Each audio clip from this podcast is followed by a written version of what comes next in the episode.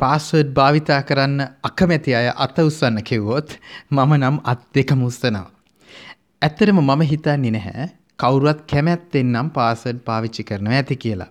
ඇත්තටම අපේ ආරක්ෂාවට අපිට පාස්වර්ඩ් යොදා ගන්න වෙනවා. නමුත් ඒ භාවිතාවත් එක්කම එන ප්‍රායෝගික අපහසුකම් නිසාම අපි කී දෙනෙක් හැම තැනටම එක්කම සරල පාසඩ් එකක් පාවිච්චි කරනවද.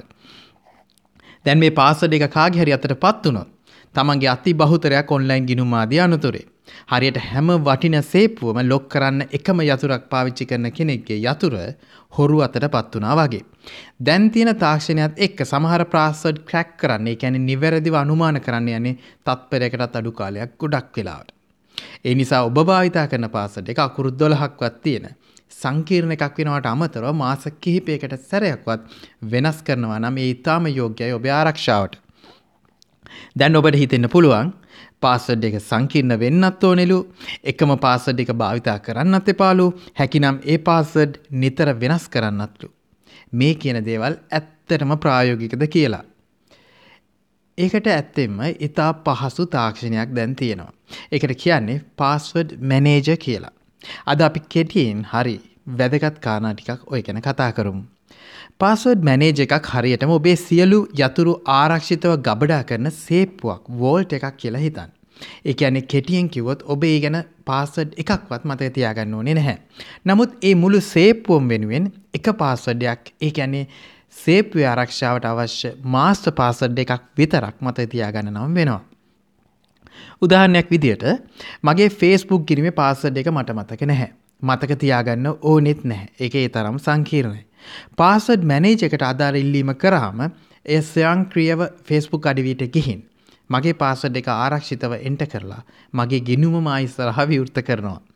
කෙතරම් අපූරුයි නේද. ඒක්කම හිතන්න මට අලුතෙන් ඔන්ලයින් ගිනුමක් හදාගන්න ඕනෙ කියලා. වෙනත් වෙබ් අඩවියක. දැන් වෙනද නම් අර හැම තැනටම යොදන පාස්වඩ් එකන මෙතනටත් යොදාගන්නේ. නමුත් පාස්වඩ් මැනේජ එකක් භාවිතා කරනවා නම් ඔය අලුත් පාස්වඩ් එක එය විසින් යෝජනා කරලා ඉදිරි පාවිච්චිය වෙනුවෙන් ආරක්ෂිතව සේප්වේ ගබඩාත් කරනවා. ඔබ හිට වෙනම තැනක වෙනම පරිගෙනකයක් ඉදිරියේ මෙම වෙබ් අඩවිට පිවිසෙන සූදානම් වෙන විට මේ වෙබ් අඩවිය ඔබ ඉදිරියේ ස්වයංක්‍රියව විවෘත කරන්න පුළුවන් ඔබේ පාස්වර්ඩ් මැනේජර් ගිණුම විවෘත කළ සැනින්. දැන් ඔබට පැහැදිලි ඇති ඔබට කිසිම ලෙසකින් පාස්වර්ඩ් එකක් ටයිප් කරන්නවත් මතක තියාගන්නවත් සිදු නොවී ඒ සියල්ල පාස්වර්ඩ් මැනේජර් ක්‍රියාත්මක වෙලා සිදු කරන හැටි.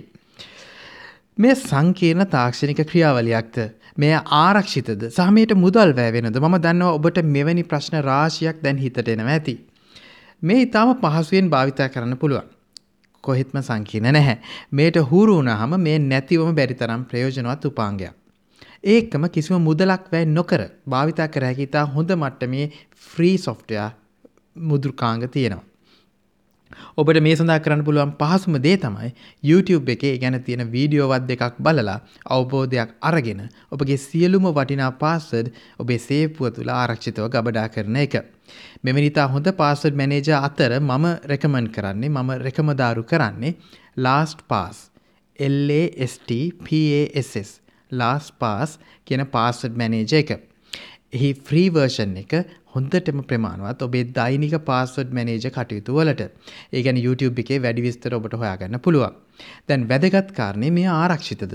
මේ ගැන තොරතුරු තාක්ෂණ ප්‍රවීණයන් ගැඹුරින් හදාරලා කියන්නේ මේ ප්‍රධාන පෙළේ මෘදුකාංග සියල්ල ඊටම ආරක්ෂිත ලෙස තම තමන්ගේ පාස්වර්ඩ් වලින් ආරක්ෂා කළ හැකි ලෙස පමණක් වෝල්ට් එන්ක්‍රිප්ට් කරලා තියෙන්නේ කියලා. ඒ නිසා කියන ගැටලුවක් ඇති කරගන්න එපා. එතකොට මාස්ටර් පාස්වර්ඩ් එක. ඔව් අන්න ඒක නම් මතක තියාගන්නම වෙනවා. ඒ වගේම අතිශය පරිස්සම් කරගන්නත් වෙනවා. නමුත් මතක තියාගන්න තියෙන ඔය පාස්වර්ඩ් ටික විතරක් නිසා ඔබට පුළුවන් ටිකක් දිග වචන කිහිපයක එකතුවක් අපි ඒවට කියනවා පාස් ෆ්‍රේස් කියලා. භාවිතා කරන්න.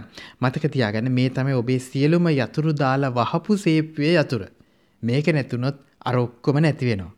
කිසිම ලෙසකින් ඒවා ගන්න බැහැ මොකද මාස්ටර් පාස්වර්ඩ් එකෙන් අර වෝල්ට් එක එන්ක්‍රිප්ට් කරලා තියෙන නිසා. ඒකම ඔබගේ වැදගත් ගිණුම්වලට අපි කලින් කිව් වතාවක් මතක් කරා වගේ two factor authentication ක්‍රියාත්මක කරන්න. මෙම තාක්ෂණ දෙක ඒ කියන්නේ password manager සහ two factor authentication ඔබ භාවිතා කරනවා නම් ඔබේ ගිණුම් වලට කෙනෙකුට හොරෙන් රින් ගන්න ලේසි නම් වෙන්නේ නැහැ. අදත් ඔබට සයිබර් සටහන් ගෙනාව මම චම්පිකයටගම්